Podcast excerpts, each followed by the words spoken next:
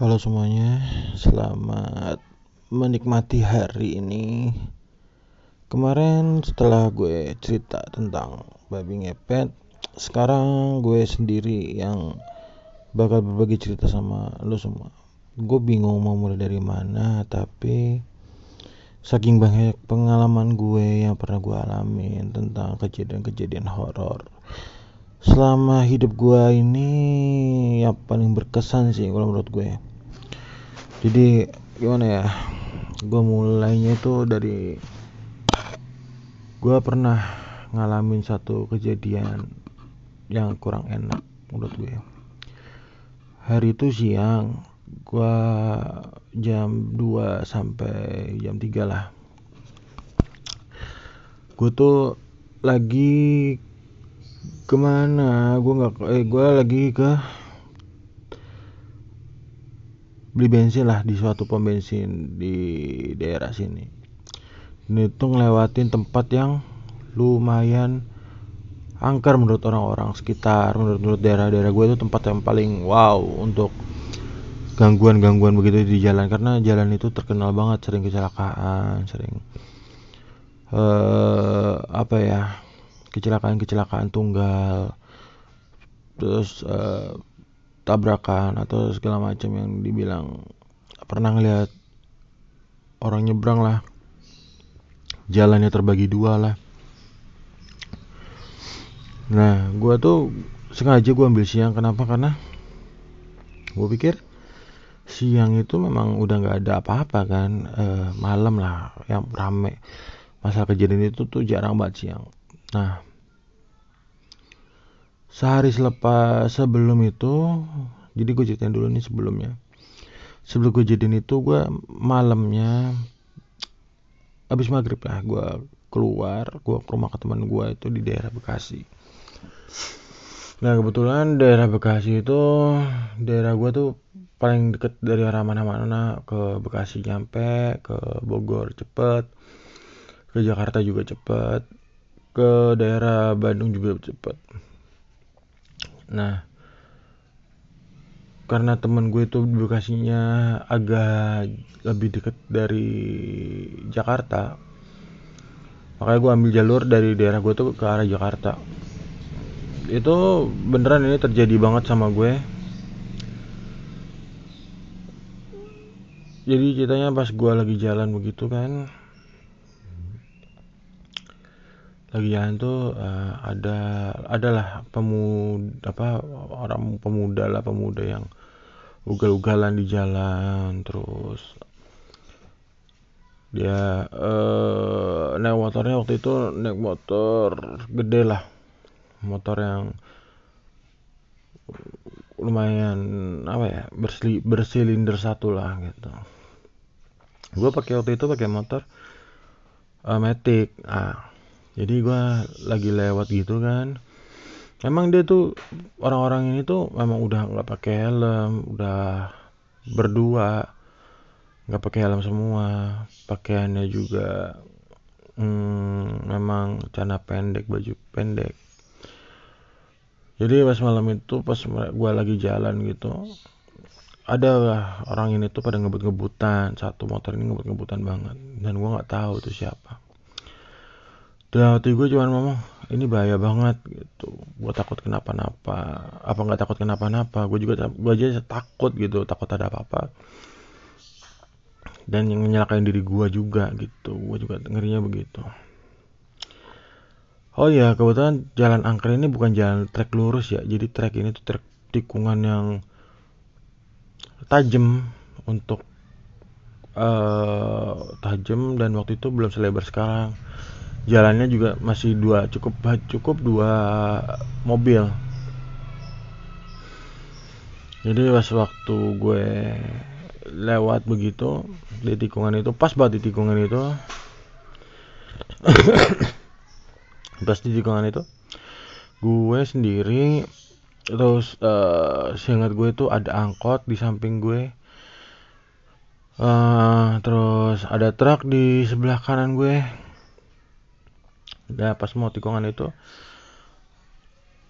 ada ya orang-orang itu tuh ngebut dari belakang ke gue dari belakang gue tuh ngebut banget. Set, ya. Udah dari belakang gitu ngebut pas tikungan gitu gue nggak tahu dia salah ngerem atau gimana gue nggak bukan salah ngerem sih apa remnya blong atau gimana gue nggak ngerti. Pas tikungan tajam begitu orang ini tuh akhirnya apa ya karena saking miringnya tikungan itu dia nikungnya juga sampai nukik banget. Akhirnya dia kena uh, trotoar bukan trotoar pembatas jalan yang sebelah kanan. Jadi kalau lo yang tahu jalan ini tuh ada jalan gede terus di tengahnya tuh ada uh, pembatas jalan terus ada pohon-pohonan di tengah-tengahnya gitu. Nah pas tikungan ini orang tuh kena pembatas jalan itu udah jatuh nah gue anehnya juga kenapa jatuhnya nggak ke kanan ke pembatas jalan yang sebelah sana gitu. Gue juga nggak tahu kenapa. Kondisi jalan waktu itu sepi sepi. Ya lumayan sepi lah untuk ukuran hari kerja itu sepi banget. Dan dulu juga uh, daerah gue tuh nggak seramai sekarang. Jadi ini udah cerita hampir tiga tahun atau empat tahun yang lalu. Pas udah jatuh dar gitu. Yang yang dari motor tuh nggak bangun gitu. Kayaknya dia udah mikir udah pasrah aja. Tapi lu tau nggak yang ke yang yang di belakangnya? Dia tuh sampai dia sempet pas jatuh sih sempet bangun dan pas banget di depan truk itu dia jatuh di depan truk banget pas banget dan truk itu tuh kayaknya lagi nggak bawa muatan deh jadi dia bisa ngerem mendadak. Pas dia bangun tuh mukanya mukanya tuh sama bempernya tuh tinggal sejeng nggak ada sejengkal. Gue sampai merinding ceritanya ini cuman gimana ya karena ini kisah juga buat uh, eh, gue sharing juga. Buat kalian yang berkendara di jalan hati-hati aja. Gak lama setelah itu teman gue sendiri teman gue sendiri juga ngalamin hal yang sama jadi jalan ini tuh udah jalan yang terkenal banget uh, ada masalah begini gitu. Gue nggak tahu ada apa. Memang setelah gue perhatiin memang di samping jalan di sebelah kiri sama seberang jalan kiri sebelah sana ternyata ada makam yang satu yang sebelah. Kalau kalau lo ke arah Jakarta itu ada makam di Pastiguan itu ada makam uh, pemakaman pemakaman orang Tionghoa kalau yang sebelah sana tuh katanya ada makam tua kalau dari arah balik Jakarta. Gue nggak tahu kan uh, eh, gue nggak tahu sebelumnya itu karena itu dulu ketutupan alang-alang gitu. Setelah itu temen gue kejadian ngalamin hal yang sama. Temen gue ngalamin hal yang sama naik motor si yang bersilinder juga silinder satu kebetulan gue nggak nyalain gue jujur ya gue agak bukannya skeptis. Cuman gue pikir ya semua tuh kembali kepada diri kita masing-masing lah. Masalah kecelakaan lalu lintas itu kembali kepada diri kita. Kalau kitanya safe safe aja antisipasi waspada mungkin nggak akan terjadi seperti itu. Dan bukan cuma kita sendiri kalau semua orang aware uh, perhatian sama itu sama keamanan sama keamanan itu sendiri gue rasa nggak ada kecelakaan yang uh, aneh-aneh gitu. Nah menariknya teman gue gini. Teman gue dari arah tempat gue ke arah Jakarta di tikungan yang sama. Dia tuh sendiri ke arah dia katanya sih mau ke, ke daerah Jakarta gitu ke pusat perbelanjaan di Jakarta lah. Salah satu pember, per, per, pusat pusat pe, perbelanjaan di daerah perbatasan Jakarta gitu dari daerah gue gue tau banget nih orang ini aware banget sama uh, uh, keselamatan gitu. Jadi dia pakai pakai celana yang nggak sembarangan pakai sepatu. Yang nggak sembarangan ini celana nggak sembarangan maksudnya pakai celana panjang. Entah itu lepis atau bahan itu tergantungan tergantung persepsi masing-masing. Pakai jaket itu juga jaket yang apa ya kalau gue bilang ya pakai jaket yang mumpuni lah untuk adanya benturan walaupun kita nggak ada yang mau nggak ada yang mau mengalami benturan apa pun di jalan raya gitu. Ya gitu uh, kan kita semua nggak ada yang mau ada di jalan raya apa kecelakaan di jalan raya. Semuanya gue yakin gak ada yang mau ngalamin. Pakai helmnya juga lumayan safety gitu pakai sarung tangan. Dan lu kalau menurut kesaksian dia teman gue ini jadi pas dia mau nikung itu ada orang nyebrang katanya. Dan nggak tahu kenapa uh, orang nyebrang itu sengaja nabrakin di kayak nyebrang terus berhenti pas pas banget depan dia. Dan apa motornya tuh remnya cuma jadi brong gitu. Dan itu mereka dia jatuh dia dar gitu jatuh untungnya tidak terjadi apa-apa tidak terjadi sampai merenggut nyawa juga enggak alhamdulillahnya gitu. Walaupun dia lukanya cukup berat gitu dengan patah kondisi patah tangan waktu itu. Gue agak bingung gitu. Kenapa jalanan itu sampai sebegitunya gitu? Ada yang bilang jalanan di tempat gue tuh minta tumbal lah atau apalah. Terus uh, memang kalau pengen selamat klakson lah gitu. Kalau gue gue nggak masalah ini ya kalau ada yang percaya tentang kalau kita harus ditikung klakson itu gue nggak nggak jadi masalah cuman kalau menurut gue uh, gue berpikiran kenapa kita di tikungan harus harus harus pakai klakson? Karena kan apalagi tikungan yang kita, uh, cuma satu apa cuman buat satu motor atau buat muat satu mobil kita harus langsung kenapa? Karena uh, arah dari lawan arah kita tuh nggak tahu kan kalau ada kita di situ ya. Jadi kelasnya cuma penanda. Buat yang pakai motor kendaraan dari arah berlawanan tuh tahu kita ada di, di situ juga gitu gak berapa lama gitu kan gue sempat jenguk segala macam dengan kesaksian temen gue ya udah udah sampai situ aja ya udah cukup hati-hati. Terus nggak lama berselang akhirnya uh, gue juga yang kena akhirnya. Gue juga yang mengalami hal yang sama.